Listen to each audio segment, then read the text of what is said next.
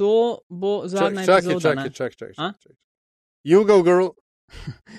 Čakaj, čakaj, čakaj. Aljaš, to je zadnja epizoda, mislim, da 22. v letošnji sezoni. Uh, nosi številko 235 in uh, se nama znova obeta, mislim, imava super zanimivega gosta.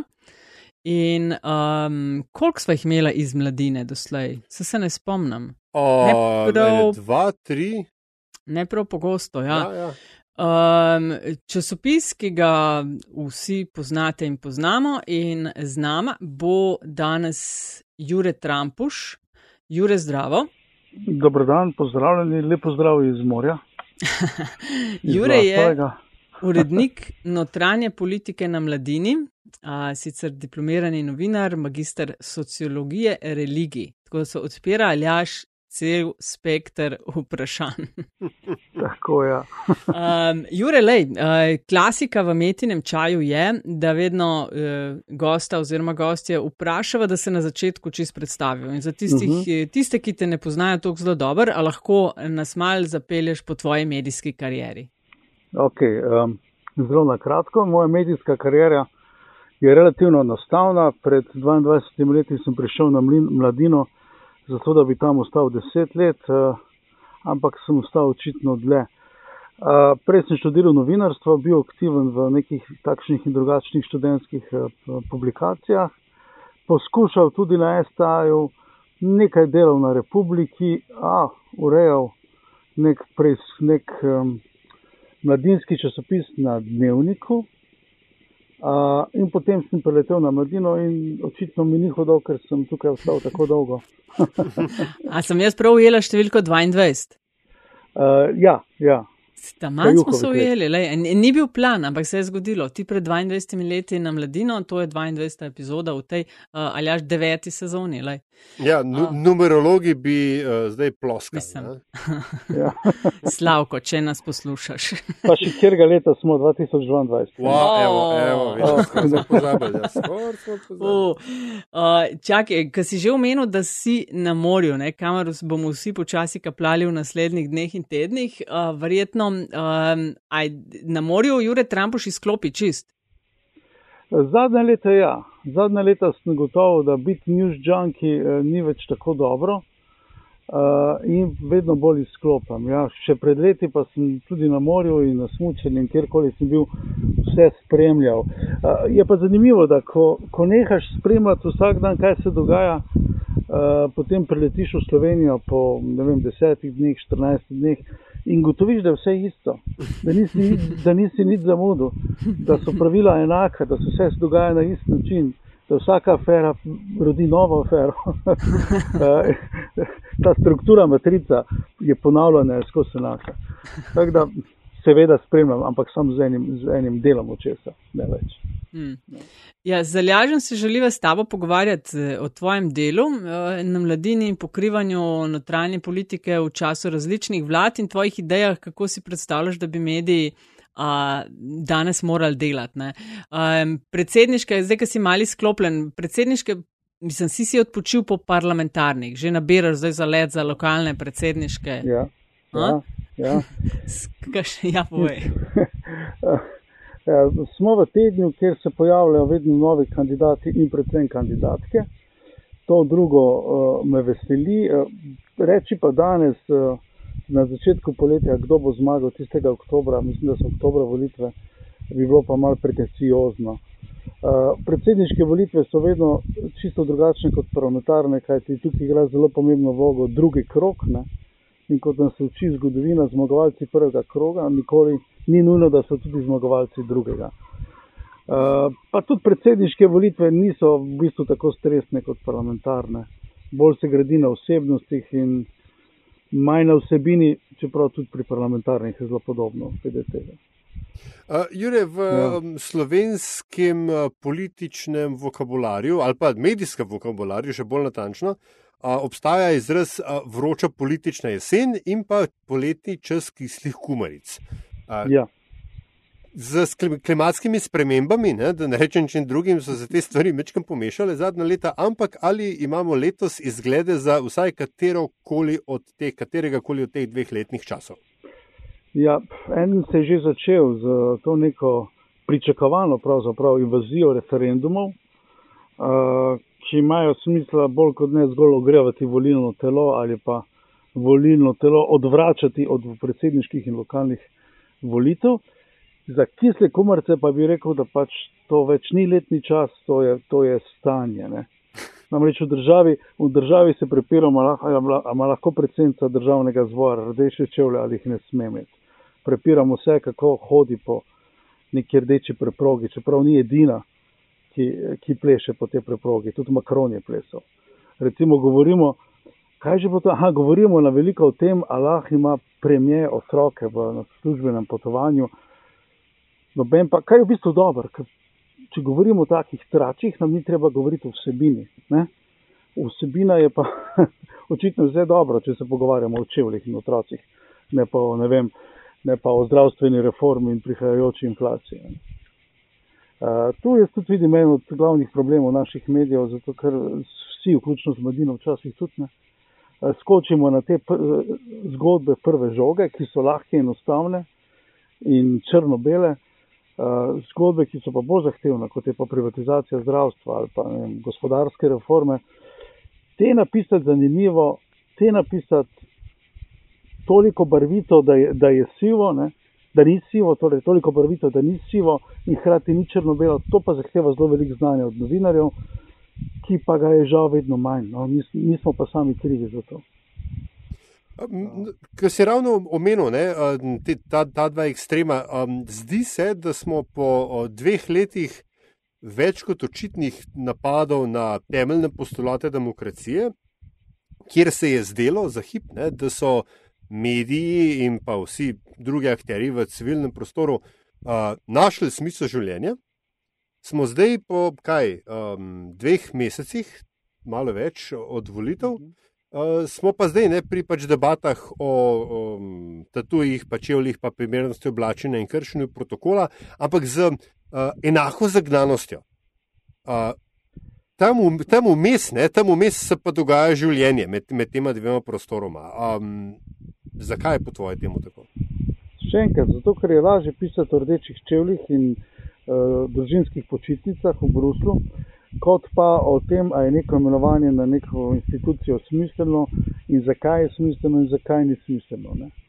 A je smiselno, da se vem, da predsednik vlade spremeni, oziroma da njegovi ljudje spremenijo nek odlog o ustanovitvi zavoda, zato da se zamenja človeka, ali to ni smiselno. Ne. Uh, recimo kadrovske menjave, takšne kot so, uh, uh, najlažje reči, to je kadrovski tsunami, ne vem, golope enak Janši, Janša je enak uh, Miro Cerarju, Miro Cerar enak uh, Šarcu in tako dalje. Uh, moraš pa seveda vedno gledati od osebe do osebe. Ne, kakor te dni so se pogovarjali tudi s predsednikom vlade, kakor pravi on, prepričljivo. Ne, reče, reče, jaz sem dobil mandat, da, da zamenjam določene ljudi uh, in moram najti legalen način, uh, da to storim. In ko ga vprašaš, eh, ali seveda cilj posvečuje sredstvo, on odgovori, eh, če se ne da neposredno, bomo pač spremenili pravno, pravno osnovo. Ne. In to so recimo naredili pri uh, uh, NIEZ-u. Meni to najbolj ni všeč, čeprav razumem včasih, zakaj je to potrebno. Jure, zakaj si se odločil, ko si pač študiral tudi novinarstvo, zakaj na koncu za pokrivanje politike? A je to že vse čas si vlekel, a si odvedno vedel, da ja, to politiko hočem, ne pa ne vem, kulturo, zunanjo politiko, šport, karkoli drugega? Mislim, socializiral sem se v 80-ih, takrat, takrat sem odrastel, recimo no, konec 80-ih, sredi 90-ih. In takrat smo vsi mulci, ki smo mislili, da smo face brali mladino, ker pač je bilo to neka subkultura, neki več si veljal, čeprav si bolj manj razumel, kaj si bral. Uh, in pač potem zrasteš s tem, in na koncu sem pač pristal na mladini kot eden redkih mladih picov, takrat, ki ga je politika zanimala, ali pa bolje, ki je pač vedel, kakšna je razlika med vem, parlamentom in, in ustavnim sodiščem. Že, že v moji generaciji je bilo tega znanja zelo malo, zdaj pa mislim, da še huje. Ne. Politika je seveda na prvi pogled dolgočasna, eh, lahko rečeš, da je politika zgolj boj za oblast. Ne Od blizu ima pa zelo veliko zanimivih detaljev in uh, tudi ljudi. Zato, zato me po svoje še vedno privlači, čeprav morda bi šel raje tudi v pisanje v kulturnih, kulturnih institucijah, ampak kaj takega. Človek včasih pomisli, uh, 20 let kričimo, naj bo bolje, pa še vedno ni. No? No, če, rečem, si če si predstavljaš teh 20 let, ko si začel, ne, pa sej v redu, tudi takrat si pri tistih letih, ko si začel, je človek drugačen kot je 20 let kasneje. Ampak lahko mogoče mal primerjaš, kako je bilo včasih, kako je danes in kako se je politika spremenjala in kako se spremenja pokrivanje politike, če imaš kakšno misel v tem kontekstu. Ja, z eno besedo, leta 2000, ko sem prišel na mladino, je bil internet v povojih zdaj je pa vsot. Leta 2000, ko sem prišel na mladino, a, ni bilo družbenih omrežij, zdaj, so, zdaj so vsot. Um, to sta največje spremembe, ne? glede na nivoja politike. Ampak jaz mislim, da gre to za spremembe bolj na nivoju prezentacije uh, medijskih nekih vsebin ali pa internetnih vsebin, kot glede vsebine same. V zadnjih seveda še vedno nastajajo zakoni, še vedno so neka strokovna mnenja, še vedno so neka uh, koalicijska uh, pogajanja, ampak na tem nivoju, ki ga vidimo, je šlo pa vse na Instagram, če rečem čist, čist neposredno. Da Twitterja sploh ne menjam. No. Twitter je še večji problem v politiki namreč. Ampak ti si tudi na Twitterju? Sem na Twitterju, sem, sem na Twitterju, bil sem tudi iz začetka bolj aktiven, zdaj sem pa bolj kot neopazovalec. Spremljam večinoma zgolj novinarske, no, novinarske strani, torej novice, uradne medije, nekaj vplivnih ljudi, ne? ampak vse veste, kaj velja za Twitter. Twitter uporabljajo zgolj uh, novinari, politiki pa psihopati. Uh, in tako je tudi pri nas. Eni, zakaj se ponavljaš? Prosim, kaj ne vem, v katerem delu sem. Jaz sem opazovalec. um, glej, v življ, javna razprava v Sloveniji je, eh, zdi se, nenavadno močno prežeta s politiko. V resnici, za kjer koli mizo se usedeš, če si tam dovolj časa, boš končal pri mhm. politiki. Ne? Um, ne, eni pravijo, da je to slabo, po drugi strani imaš pa, um, da rečem, uh, države, družbe z zelo močno civilno družbeno ali pa civilno, ja, civilno javno sfero, recimo tipa Francija, ne, ker se pa zdi, da je tega. No, ali pa Italija, ali pa Italija, uh, recimo. Ali pa, no, ali pa ne, Italija ja, ja. pa drug primer. Uh, skratka, uh, moje vprašanje tukaj je, ali je ali Slovenci preveč debatiramo o politiki, ali debatiramo o politiki na. V narekovajih napačen način. Jaz bi se strinjal s tvojo drugo tezo. Ne? Razprava v politiki eh, pri nas sploh ni razprava o politiki, ne? ampak je to, kot da bi razpravljali o okusih. Ne? Enim je všeč pop, drugim je všeč hardcore, tretjim je rado, radi tehno muziko ne? in se pogovarjamo drug mimo drugega. Ne?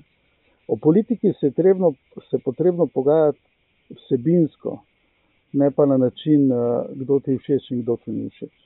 Tako da, ja, jaz bi rekel, pogovarjamo se premalo o politiki. Čim več političnega, več javnega in več poguma je potrebno v vseh teh debatih.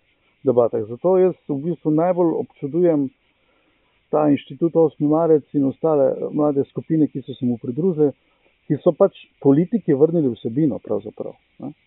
Oni so, oni, so, oni so se odločili, da je problem je pomemben, da je ga sfurati, kako ga sfuramo, aha, s pomočjo političnih strank, s pomočjo shodov, s pomočjo peticij, s pomočjo zakonodajnega postopka in so delovali politično in bili tudi uspešni.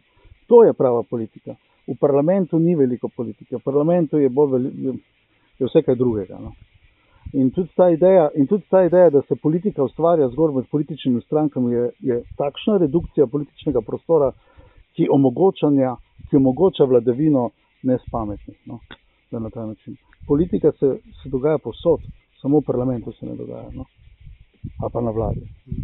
Ali, ali so mediji in če v kolikšni meri so odgovorni za to napačno, napačno razumevanje politike? V večinski meri. Poglejmo recimo ta debato pri nas, koliko so davki visoki. Uh, gospodarstveniki seveda o tem govorijo, kako imamo mi visoke davke in koliko smo najbolj obdavčena država na svetu, ker imajo seveda svoj interes.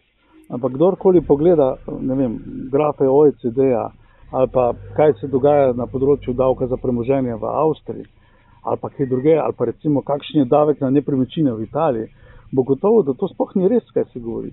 Pri nas so davki, razen seveda davčna obdočitev dela, nizki. Mi smo tako rekoč davčno oazo, če malo pretiravam. Eh? Ampak pri nas velja mantra, da smo najbolj obdavčena država Evropske unije. In to so krivi mediji. Mediji so pa krivi zato, ker pač prisluhnejo tej ali pa oni interesni skupini, v tem primeru gospodarstvenikom ali pa lastnikom premoženja. Tako da, ja, tvoje vprašanje je, velik del kride v medijih, kaj ti politiki in oblast bi se seveda medijem prilagodila. Pri nas se pa dogaja obratno. Mi se prilagajamo tistim, ki imajo družbeno moč. In to, kar vsi. Da ne govorimo o tem, da uh, medije zanimajo klikanje, pa dobiček, ne pa, uh, ne pa v bistvu poslanstvo, ki je služeno, služenje javnosti. Res, jaz, jaz, jaz sem zelo kritičen do tega medijskega prostora, seveda, ključno vse mladina ima tudi svoje težave ali pa jih imamo, za katere smo tudi odgovorni sami, predvsem, ker nas je izrazito premalo, namreč ljudi pri nas. Ampak jaz mislim, da je medijski prostor, tudi nacionalna televizija ali pa Pop TV, eden od glavnih generatorjev teh, teh strukturnih političnih napetosti, ki so v Sloveniji. Verjamem, da je druge tudi podobno. No? Nismo mi, slovenci, tako posebni.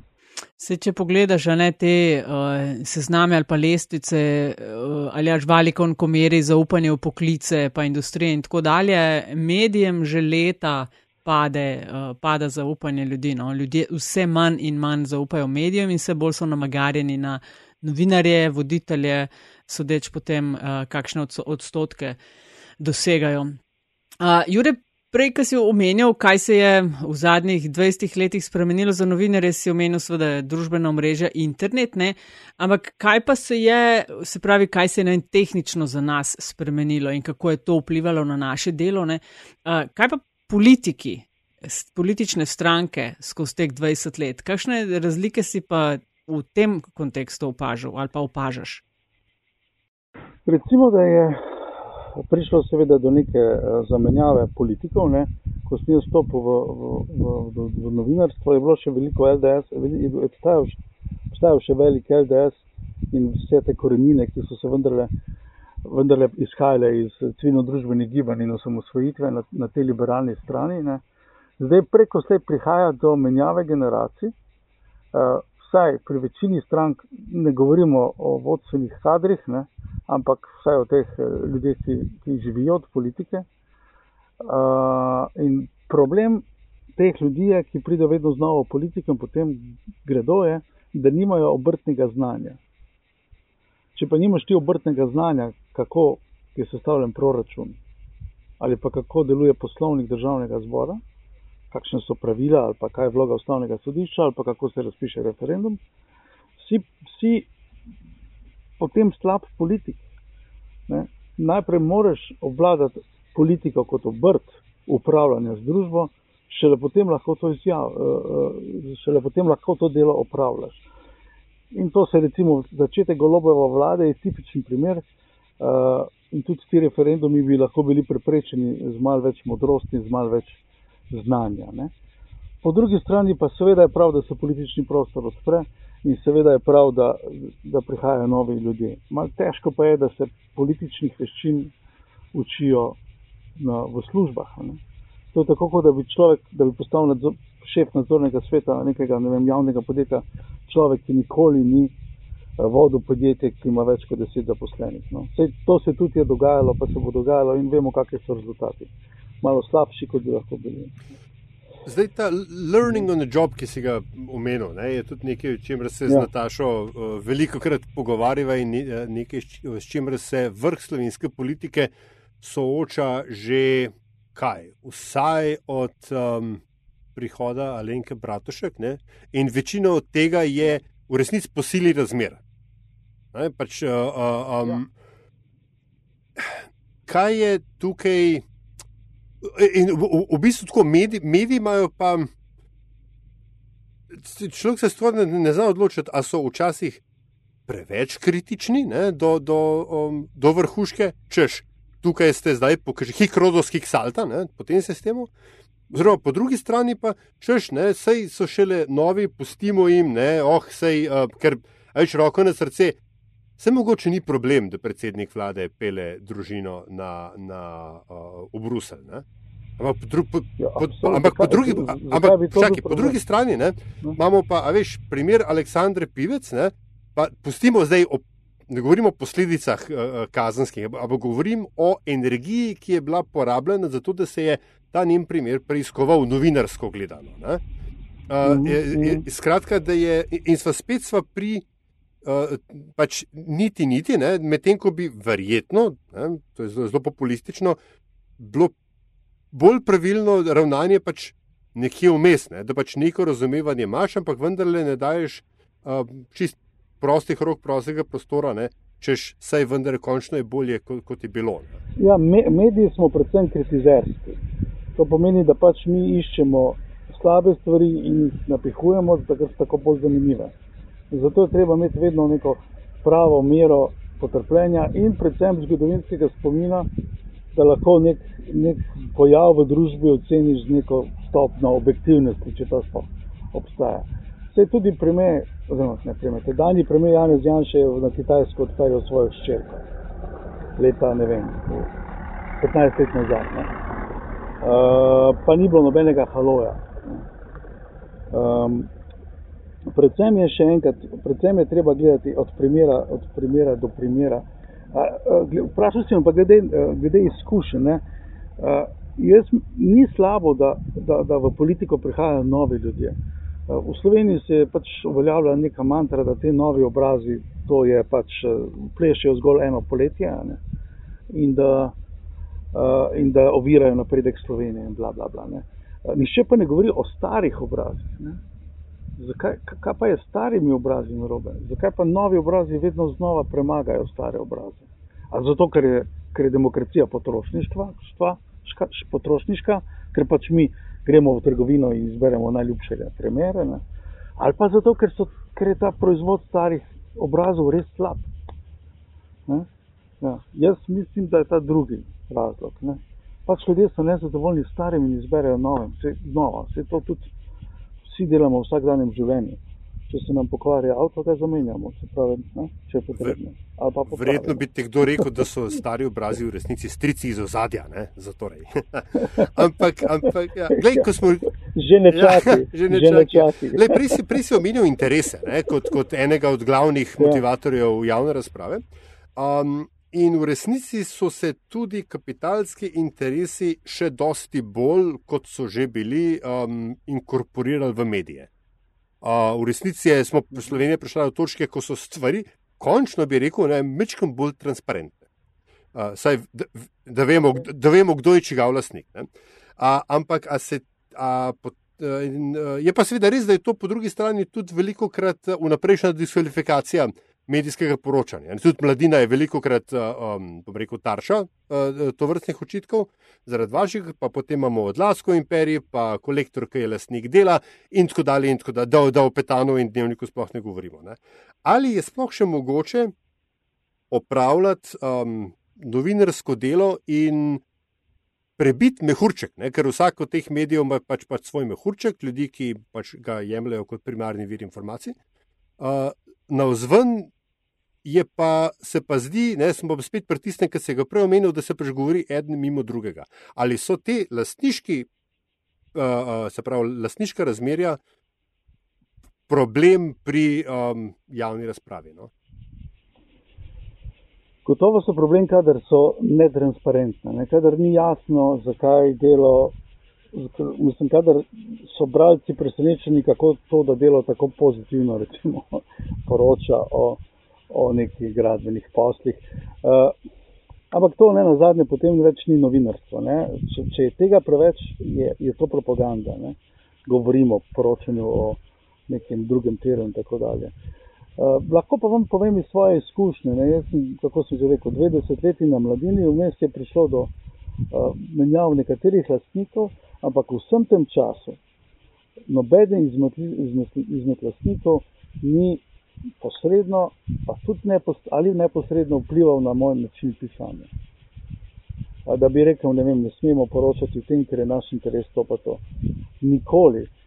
Takrat, ko smo dobili nove lastnike pred leti, ki so izgoritve, smo res začeli pisati več o zamenski problematiki, kar je pa samo obogatitev medijskega prostora, ne pa, ne pa zaprte. Vidim en drug problem v tem tvojem vprašanju. Problem teh um, sporednih svetov. Ne, bralci mladine razmišljajo popolnoma drugače kot bralci, kako reči, um, Dru vem, demokracije. Družine. Pravi, Ja, ja. demokracija, družine, ne, ker demokracija ni medij. Ne. Recimo, da je družina, družina medij. Eh, Zelo malo zelo malo je stičnih točk. Ne. In tudi, če bi recimo mladina popolnoma eh, spremenila svojo eh, neko uredniško politiko, bi seveda svoje bralce takoj izgubila. Kar se je videlo pred eh, desetletjem pri reporterju, ko je nekaj časa reporter mislil biti levi medij. No. Dokler se potem ni odcepil in odšel. Tisti je bil pa, to se pa dobro spomnil, tisti je bil pa se spomnil za eno leto, ki ga je delo ali neki prevzel. Tisti je bilo kar katastrofa. Ne, Ja. ja. Ja. Boško Šroc je skregal z Janezom Janšo in ni več poročal tako, kot je zaželela tedanja vlada. Eh, Delo mislim, da je potem prevzela tudi reporterja in pol je reporter kar naenkrat postal neka konkurenca nekim levim medijem, recimo da mladini, ampak se je seveda v trenutku izgubil večino svojih bralcev in potem ekipa, ki je potem odšla stran in zdaj vozi reporter, je potrebovala veliko časa, da jih je pridobila nazaj in se krati še skregala s politiko. Tako da imajo uh, kar težek posel, te fanti, ko tam Ja. delajo. No. Takrat se je revi, takrat se je revi reklo še Magna. Uh, ja, ja, ja, Mak je bil. Tako ja. je, Mak je bil, ja, ja mislim celo jaz pozabil. Mak je bil, ja, Mm. hvala. Uh, prej si omenil, Jure, o tem tvojem Prav. ritmu dela, no pa zdaj mi dva mava doskrat, ne vem, pa so televizici, pa pol so taki, ki delajo za dnevno časopisi ali pa radio. Delati za časopis, ki ima uh, tedenski ritem, je pa spet tudi mal drugačne. Zdaj sicer glede na to, da s- so svojo kariero ali pa večinoma delaš za mladino, ki izhaja na tedenski ravni, boš sicer težko naredil to primerjavo, kako je pa kaj na dnevni, ampak a lahko poveš, kaj zate kot urednika notranje politike na mladini to pomeni? Ko- Kakšen ritem je? Ne vem, v ponedeljek delamo to, v torek to, v sredo to, v četrtek. Mm, mm. Ljudje, ljudje, ki so odšli iz mladine eh, na dnevno časopise, so mi potem dejali, da mladina je milina, veš, to se bolj dela, če si ti na dnevnih časopisih. Enako govorijo ljudje, ki so prišli iz recimo večera na mladino. Čeprav, čeprav po, po drugi strani je pač mladina medij, ki, ki v bistvu ki objavlja neke analitične članke, ki analizira, ne, ki poskuša po, po, pokazati ozadje. In pisanje novic v, v tedenskih časopisih je pa vse, že v dnevnih časopisih je težko tekmovati z televizijami, kaj šele z internetnimi portali ali pa, ali pa radijem. ne. Uh, zato pač tedenske, tedenska uh, glasila, mediji, nimamo več toliko ekskluzivnih zgodb, seveda imamo, ampak bolj, bolj bazira na neki analizi. Ampak vprašali si me, eh, kak je tempo. Mi oddajamo časopis, da začnem na koncu. Mi oddajamo mladino v tisk eh, iz, v noči iz srede na četrtek, eh, kar pomeni, da potem imamo v četrtek nek eh, uredniški sestanek, eh, vsi dobesedno skozlani in brez pravih misli. Ne? in nekako poskušamo usmeriti barko v pravo smer. In potem se seveda ponedeljek vedno znova vse spremeni, ker uh, se pač nekaj zgodi ne? in moraš hkrati reagirati na neko dogajanje čez vikend, pa ponedeljek, torek, da si potem v četrtek, petek na, v trafikah z neko naslovnico, ki je aktualna. Tako da tempo je, je kar hud, v ponedeljek, torek, sreda je veliko dela, v četrtek si ližemo rane, v petek pa razmišljamo, kako naprej. No. tempo mi paše, tempo mi paše, pa res to pomeni uh, biti v službi tudi uh, po cele dneve. Kdaj. In kako pa to zgleda, če ti recimo v, čez vikend se nekaj zgodi, v petek, v ponedeljek je vsem jasno, da je pač treba zgodbo pokriti, napisati, zanalizirati, se pogovoriti z viri in tako dalje. In ti potem kaj? Uh, uh, ma, Stisneš zobe, stisneš zobe in rečeš. Hočem reči, da angažiraš vseh svojih 17 podanikov, jih pošlješ na razne konce Slovenije ali, eh, in potem samo gledaš, kaj ti pošiljajo, ali kako to zgleda v praksi. Eh, Načeloma je pri nas tako, da ima en novinar eno temo, torej en članek. Ne. včasih res sodelujemo, ampak ker je treba napolniti teh 72 strani, dela vsak svojo, svoje področje. Seveda pa med sabo sodelujemo, pa, pa si izmenjujemo telefone, pa izkušnje, pa vere, pa tako dalje. Ne. Ampak ja, če se ponedeljek ali pa torek zgodi neka zgodba, ki, ki bo odmevala par dni, jo moraš dati na naslovno temo, ne, kot naslovnico, ker pač mladino prodajajo naslovnice. Uh, nihanja, nihanja, na, nihanja naklade je tudi, ne vem, po 50% glede na naslovnico, kakšna je. A res od naslovnice je to odvisno? Seveda, je, Kako ste pa do Seveda tega je. prišli, da ste vedeli, da je naslovnice? A to kakšne raziskave delate? Ja, pač ne vidi se, če imaš aktualno temo, ki je dobro pok- pokrita in predstavljena, se seveda boljš, boljš prodaja kot neka tema, ki je mogoče ne tako aktualna. Eh, Ivo Štandeker eh, in naj bi nekoč rekel, da mora imeti mladina, jaz to ne vem, ampak tako mi pravijo kolegi, eh, tri naslovnice, ne, vedno. Ne. Fenomen, afera, politika. Fenomen, afera, politika. in temu še nekako sledimo. No, um, se pravi, če se nekaj zgodi pozno v sredo ali pa četrtek, kdaj je prepozno, da pride v petek, pa veš, da bi mogel biti. Po 12 uri v sredo je nemogoče. A res? Iz torka, ja, ja, seveda, ker ti rabiš produkcijo članka kar 8 ur, postaviti, uh, uh, naslovnico narisati, poslati v tisk. Um, v sredo zjutraj, kdaj še gre. No? V sredo popoldne je prepozno. In pa že začne boleti Ja, v- glava, ko vidite, ja, da bi. Oh, Ja, v, ja. v torek, v torek, v torek gre brez težav, ne? v ponedeljek pa ja, ja. Se potem kak drug novinar prevzame. Se ponovadi, če dela en recimo temo privatizacijo zdravstva, pa se nekaj zgodi, pa jaz uskočim, pa kdorkoli drug. Uh, je pa res, da če imaš sam- samo 8 ur za pisanje, je to bistveno manj časa in manj kvalitetno. Mm. Mm. Ker je vendarle treba napisati, ne vem, 20 tisoč, 25 tisoč ali pa 15 tisoč znakov, to pa ni novica, ne. Novica je 800 tisoč znakov. Uh, in rabiš kar nekaj razmisleka. Ne. Sej, to, to je pa prednost tednika, kot ga jaz razumem. Mi imamo ta privilegij, da raz, lahko razmišljamo. Uh, uh, kolegi novinari, ki delajo na televiziji ali pa na radiju ali pa na internetnih portalih, morajo tako iti za zgodbo in tako ne poročati, čeprav se potem hitro izkaže, da ni takšna, kot se zdela na prvi pogled. Uh, ljudje, ki pišejo za sobotno prilogo, objektiv ali pa mladino, pa imajo čas za premislek. Uh, zato imam tudi jaz rad mladino, da ni več ni take panike te, na, ta, na ta način. Je miselna panika, ni pa panika, bodimo prvi in nekaj poročamo, breaking news, tudi če to potem se izkaže, da ni Mm. res. Se pravi, če, če želite, da se mogoče, če gre seveda v kontekst uredniški in programski in vsebinski, kaj pojavi v mladini, v sredo do povdne je zadnji čas, v sredo po 12. Tako je. ni šans. Pisma bralcev, pismo bralcev še gre, kdaj. Kaka, stran, tudi vse se da, kak krajši članek se da Ja, ja. napisati. Naslovna tema pa Ampak, ne. ja, Naslovna ja. tema. Krajši članek se da. Sreda po Saj 12. tudi, pa ne recimo, več. G- G- Gregatovi uvodniki nastajajo v, v sredo zvečer, ne? pa se da tudi zdaj tja noter kaj napisati. Uh, se da, no, ampak za, za, za resne članke ti rabiš dva dni. Ja, ja, ja.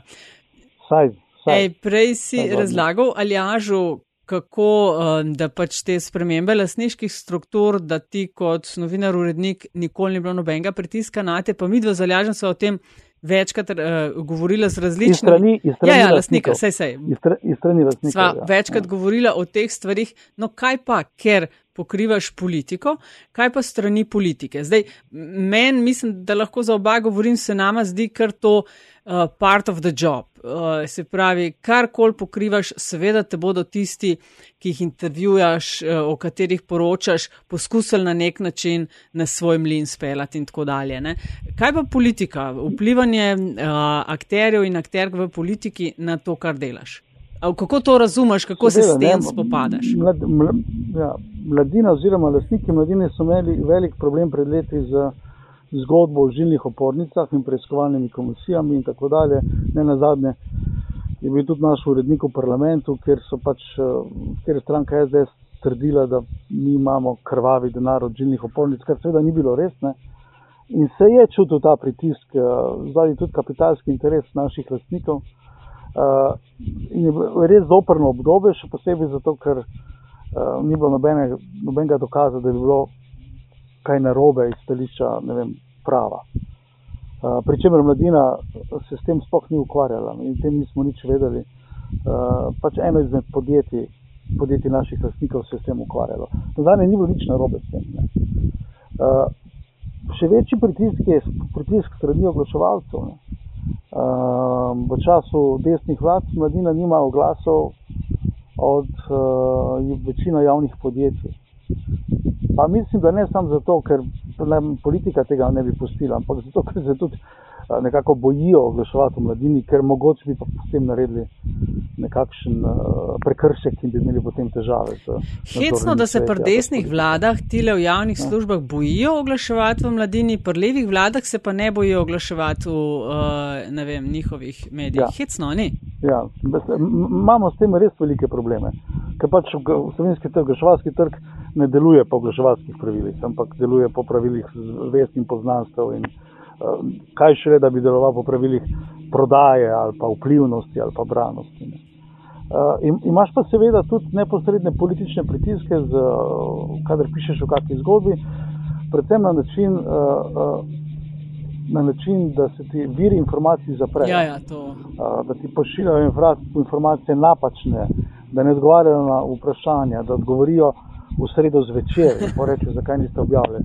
Čeprav vejo, da je takrat že vse končano, da, da dajo napačne informacije. Uh, da izginjajo maile. Ja, nismo dobili maile, pošljite še enkrat, koliko niste dobili maile. Uspem je padel. Ja, ja, te so lepe. ta, ta, take stvari. Take stvari. Uh, ampak se pravi, to je, to je del poklica.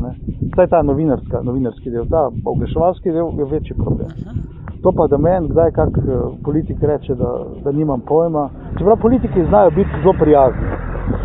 Ne? Oni načeloma, načeloma so prijazni do novinarjev, ker ker pač vedo, da, da novinari poročajo o njih in kakršno koli poročanje za nje dobro. Ne. Ni pa hudo, vsaj na mladini. Ne. Jaz sem prepričan, da je na RTV-ju situacija milijonkrat hujša, kot je pri nas stališče pritiskov. Ne. In to, kar se tam dogaja, je, je hiša na rosti. No. Uh, mislim, da je že tudi prepozno, da bi se dalo to normalno ustaviti.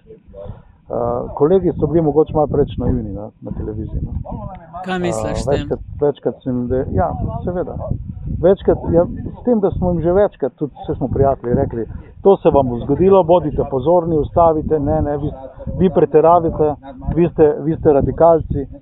Uh, pa se pač izkazalo, da smo že imeli na mladini prav. Da želijo, da želijo pač ta servis ukinati, razmontirati, če ga že ne morejo prevzeti. Ne. Kar je po moje trenutno največji problem slovenskega medijskega prostora. Ne vidim, ne vidim rešitve iz tega problema, razen da novinari zaostrijo stavko. Tako da grejo v studio in delajo to, kar delajo najbolje. Torej poročajo o stvarih, ki se dogajajo njim in v Sloveniji. Z enodnevnimi protesti ne bojo prišli daleč. Žal ne. Res pa je, da je tudi tam novinarski kolektiv, zdaj celotni kolektiv razdvojen, uh, vendar le gre za veliko hišo, ker imajo ljudje razli, različne interese. No. Na mladini nas je malo, če se mi med sabo spremo, smo čez dva dni že prijatelji, ker potrebujemo drug drugega. Ne. Pa se tudi spremo, gledaj. Ja. no, hotel sem reči, ampak uh, resnici na ljubo ta um, teza o radikalnosti in mladini, pa vendarle ni strtezita. Tr Kaj pa, kaj pa je pri nas? No, no, se, to, to, to, to sem hotel vprašati. Mislim, Levica je najbolj radikalna stranka v Sloveniji, pri čemer je njen program, program socialdemokratski program Nemške, v Nemčiji. Ne. To so neke, to so neke um, floskele, ki se, ki se limajo na politične stranke ali pa na neke politične usmeritve ali pa na neke medije, ki nimajo veze z realnostjo. Mladina sploh ni radikalna, mi ne zahtevamo družbene spremembe čeprav bi si jo zaželeli.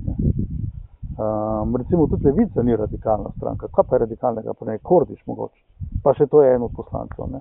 Ampak to se pač nekako prepetuira v družbi in se primenate. Ne? In bolj kričiš, nisi radikalec, mi nismo radikalci. Ja, pa ste, ker pravite, da niste. Ja, ampak res, veš, to je točno to. ja, uh, ej, o medijih si veliko, mislim, si že sproti mal povedal in, in si kritičen. Uh, mislim, da za uh, Aljažem skozi teh 200. 34 preostalih epizod, da so bila kar uh, podobno kritična vse čas. No, kaj bi pa ti delal, če ne bi bilo omejitev? Oziroma, najprej, ajde, kakšna je pa tvoja medijska dieta? Vem, ker delaš v medijih uh, in za mediji so določene stvari, ki jih človek mora po službeni dožnosti mal spremljati tudi. Ne? Ampak, ajde, kakšna je tvoja medijska dieta? Stvar, ki mi je v bistvu resnično spremenila, uh, so podcasti. To sem začel poslušati že pred desetimi nekaj leti, leti ko sem imel Apple, iPod, klasika, karkoli, na iTunesih so bili podcasti. Dobil sem psa in potem s tem psom prehodil celo Ljubljano in poslušal vse, od predavanj na angliških univerzah do nekih zgodb, banalnih zgodb iz Nove Zelandije. In je, odprlo, in je to mi res odprlo svet, takšen, ki ga nisem prej videl, ne vem, na Guardianu ali pa na Veltu ali pa New York Timesu ali pa Špiglu ali kjerkoli drugje. In še zmeraj zmer, uh, so mi ti podcasti zelo pomembni, ker po svoje imam rad radio. Ne. Radio je izčiščen govor, tudi, tudi slovenski uh, informativni program, kljub kakšnim pomakljivosti, recimo studio ob 17. Jaz sem eden od redkih ljudi, ki posluša studio ob 17. No.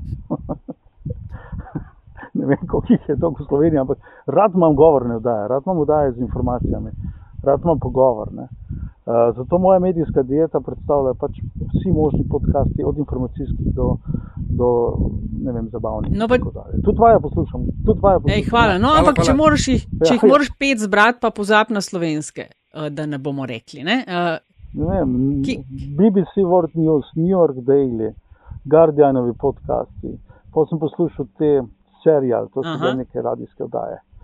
Um, kar pogledal, bom kar pogledal, bom kar pogledal, samo ja, uh, Slovenske vse, tudi vas 202 ima odlične oddaje, uh -huh. ne sam, ne sam, studi, ne sam studio v 17. Ne vem, umetnost, a umetnost možna, ker so vaši konkurenti, mhm. -huh. točno, ja.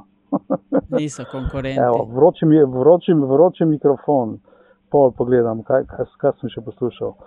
Evo, pogovor, uh, nedeljski gost, Tomaš Pengov, pogled, to sem poslušal ravno zadnjič. Uh, dogodki iz močverja, intelekta, ne, če govorimo o slovenskih podcastih. Te stvari so meni res dobro narejene. No.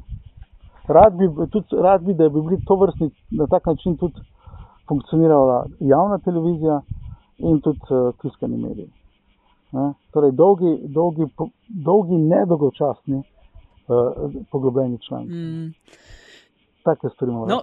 Ampak jaz imam čas, mene, mene to zanima. Ljudje, ljudje no, zdaj pa povej, kaj si 20 let, 22 let na mladini. Kaj bi delal, če ne bi bilo omejitev? Če ne bi bilo, da je premalo ljudi, da je premalo denarja, da je izobraževal. Jaz bi največ sredstev, ki bi jih imeli, jaz bi dal v izobraževanje, no? izobraževanje novinarjev. V, v, dobimo, dobimo pri nas ljudi, ki, ki so zvedavi, ki veliko vedo, ki vejo, vedo vse o Ameriki, ne vem, o NBA, o, o sitcomu, ne vem, o čem se, ne znajo pa pisati. Pišejo po angliško v slovenščini. To, to opažam, da ljudje ne znajo več dobro pisati, ker ne berejo več slovenskih knjig. Da, jaz, jaz, jaz, jaz bi rad imel dobre pisce, no. tega največ pogrešam, ne sem pri nas posod. Pisce, ki znajo pisati zanimivo, pa še kaj vedo. Mm. Se pravi, novinarstvo upravičuje ali ne tvoja pričakovanja iz faks časov? Pa jaz na fakulteti nisem imel velikih pričakovanj. Mi smo takrat živeli iz tedna v tedni, iz kolokvija v kolokvij. Ne, res iz predavanja od Mance Košir, drugo predavanje od Mance Košir. Uh, sem pa šel v novinarstvo, to pa šalo na stran. Eh, zato, ker sem po Drnovškovi metodi želel spremeniti družbo na bolje. No. Zakaj se smejimo, je Beti? Ja, ne vem. To so resne stvari. Ali smo čisto izgubili upanje, da ja. se to da? Ne, se da, se da, se da, to pa ni. Ali ti je uspelo? Got, go, go, gotovo, mislim, če, če res sežem globoko v zgodovino, sem v 90-ih, ko smo malo hodili na faks, urejal nek študentski medij v, v Velenju, ker sem iz Velenja študentski klub, študentska politika, organizirali smo koncerte, okrogle mize in se famili. Anyway, uh, medij se je klical RIT, RIT so bile racionalno izbrane teme. Uh, ime smo dobili že od naših predhodnikov, ne? torej koliko smo bili stari, 20, 22, 23. In takrat je bilo v Velenju zahteva mladinske scene, da bi imela mladinski klub, ki se je vlekla že desetletja. In potem smo mi to v, v Riti sistematično pokrivali, enkrat na 3-4 mesece, naredili intervju z županom, objavljali načrte, uh, pošiljali te Riti občinskim svetnikom, na kar je v 2-4 letih se to prebilo v mestni svet in Mladinski klub je nastal kot javni zavod in še zdaj obstaja. Rit sploh ni slabo ime, vidim. no, in, a, a, kaj, kaj hočem reči? Videl sem, da ima medij moč. Ni bila rit tak, ki je tam mladinski center naredila. Gotovo, gotovo, gotovo, gotovo ga pa je pospešila. In to je, to, to, to, to je zanimivo novinarstvo. Ti lahko nekaj spremeniš. Ej, ej, ene no? stvari še, nis, še nismo obdelali. Oziroma, se... Sej, veš, kaj, zaprosti, na, mislim, Ne, ne morem reči. Ne, reč, no, reč, reč. ne bom, bolj bom rekel. Ne bom, ker bojo, ne bom izvoljali. reči, reči. Ne no. upam. Ne upam. Okay, ne, okay. Nataša je preveč spodobna za, za, za to vrste provokacije. Ne? Ne. A, ampak, glej, a, o vsem tem, kar smo pa tedenski ritem, pa a, netekmovanje z novinarji, pa, a, z, z, novinarji, z, medij, z a, dnevnimi a, mediji in tako dalje. Um, ampak a, o spletni mladini pa nismo nič rekli. A? Čeprav razumem, zdaj pr. pr um, elektronskih medijih, pa tudi dnevnih časopisih, pa tako dalje, se veliko govori o web first produkciji, web first pisanju. Um, ampak mladina ima pa spletna mladina, je pa tako ljubko retro sajt. Ne? Uh, da se mi zdi, da ste se pa vi zavestno odločili, da ste pa se še, še vedno paper first. Ja, Uh, sicer moj urednik Grega bi rad, da uh, novinari sodelujemo več uh, v, spletni, v spletnih medijih. Včasih se tudi zgodi, da kjer uh, novinar kaj napiše, načeloma pa to ureja Izak, uh, košir zelo pridni je. Uh, nimamo pa ljudi, ki, ki bi, s katerimi bi lahko tekmovali za portali kot je N1, ki je mimo, gre, mimo grede zelo dober uh, novinarski projekt ali pa z vem, 24 ur. Uh, če nimamo ljudi, ne moremo tekmovati, in zato se pol tega tekmovanja ne gremo. Stvar vzdržujemo uh, in damo neko vrednost, neko koherentno celoto. Uh, zaprli smo jo, seveda, ne, uh, mladino prodajamo prek spleta, tudi zelo kar dobro, načeloma. Uh, ukinili smo komentarje, uh, promet se pa načeloma ni uh, znižal. Uh, Veliko pa generirajo, seveda, Facebook objave. Mm. Velika večina ljudi pride na mladino preko Facebooka ali Twitterja, zelo malo gre v, v, mladino.si. Mm. Vse je pametno, um, če smem. Jaz, jaz, mislim, jaz, jaz mislim, da spletni mediji režejo vejo tiskanim medijem. Jemljem jih kar kot sovražnike. No. Ah, to ne vem, če bi to? Ja, Zakaj? Zakaj? Ja, zato, ker ker ljudje, ki berejo spletni mediji, večina bere to za stojn. In mislijo, da vse za stojn. No, se to je bila napaka sred 90-ih, ja. ko smo od ja, te fascinacije to to. nad, ja. o, internet, le kaj ja. vse se da. Ja. Evo, ja. izvolite, to za stojn, uno za stojn. Zdaj pa rečeš, da ne vem, en glaš eh, kumarc na mesec eh, se jim hoče pa zmešati. Čeprav, ne, čeprav po drugi strani, odkar se je pojavil Netflix, pa te pretočne vsebine, ne vem, YouTube Music, Spotify, eh, so se ljudje nekako več ne piratizirajo. Mm -hmm, piratizirajo mm -hmm. Teh torrentov, pa partisov, pa to, to uporabljajo samo še dinozauri. Uh, mlad, ne? Ja. ja, ne, ne, našli so storitev, ki je, je za eno ceno, ki so jo našli, da bi ljudje bili pripravljeni plačati. Ne, in ko se, bojo, ko se bojo ljudje naučili, da je treba za vsebine plačati, kot plačujejo tudi za HBO, recimo, ne, bojo tudi začeli plačevati za medije. Uh, sam poslovni model si še treba najti, ki bo to izvedel. No. Imajo pa vsi svetovni mediji s tem problemom. Mm. Vsi. Ne? Ali imajo mecena, ne? tako bi ga, ko ga ima Guardian, mi bi ga tudi imeli, ali pa, ali pa se nekako poskušajo biti pozitivni. Ja. In smo ja. prišli do konca, ne? vsak pogovor. Uh, ja. Lej, vsak, vsak pogovor rabi piko na koncu. Ne? Nataša je že na začetku metenega čaja, pred uh, skoraj desetimi leti, se odločila, da se bo piko postavljala na prav poseben način. Okay. Ja, in to je zanimivost, oziroma nekaj, kar vprašam vsakega gosta oziroma gostjo, da z nami deli bodi si zanimivost, priporočilo, zgodbo, anegdoto, karkoli. lahko je s tabo povezano, lahko ne s tvojo kariero, uh, pod čist po tvoji oceni, ampak nekaj, kar uh, rečeš ali pa kar oceniš, da je veliko ljudi ne ve, pa bi jih znalo zanimati. Tako, to je zdaj uh, tvoje sekunde na koncu. Uh. Moj podpis je bil že prej pripravljen, ko sem govoril o tisti riti. No, ja. da ne vem, kaj bi takšnega bilo zanimivega. Ja, morda to, ne, da sem jaz, razliko od veliko novinarskih kolegov, če ostanem pri novinarstvu, prišel v, v reden job na mladino kot že izkušen kader. Kar pomeni, da sem bil star svojih 26-27 let, za sabo sem imel te neke lokalne poskuse, ne na zadnje sem že diplomiral, o magistriral celo že, točno ja, magistriral sem že a, na sociologiji, a, kar pomeni, da sem bil že izoblikovan. Ne. Problem kateri kolegi pa so prišli v novinarstvo veliko prej ne, in jih je potegnil ta, ta občutek vse mogočnosti, ker če imaš intervju z ministrom ali pa z primerom, kaj boš hodil na fakulteto ne, in potem jih veliko ni fakultete končalo. Ne. Fakulteta ti res ne da to, kot bi ti lahko dala, ne. po drugi strani pa ti dozoriš na njej. Ne, in ko stopiš v te neke da so že malo moralistični. Oj. Ko stopiš v te no, v novinarske čevlje, ko stopiš v te novinarske čevlje, je fajn, da imaš nekaj izkušenj. Ne. Ti, no. ker povej, ko si mogel ja. spati. Tega pa ne bom povedal. Ej, uh, Jur... ko, sem, ko sem prišel na mladino, mi je rekel takrat moj mentor, če lahko rečem, da je mentor ali, ali žrdin, uh, prvo to si že spomnim če si prišel zaradi denarja, se obrni pa pojdi stran. Uh, kako res je to bilo? kako res je to bilo? Ampak po drugi strani je pa na tem mediju tako veliko svobode in vse zaradi tega v bistvu ustrajam. Tako veliko svobode, kot, kot v nobenih drugih slovenskih medijih, verjetno ni tako svobode kot mladini. Svoboda, da lahko pišeš, kar želiš, svoboda, da lahko raziskuješ, kar želiš, je tudi veliko trpljenja, ja, seveda. Ne?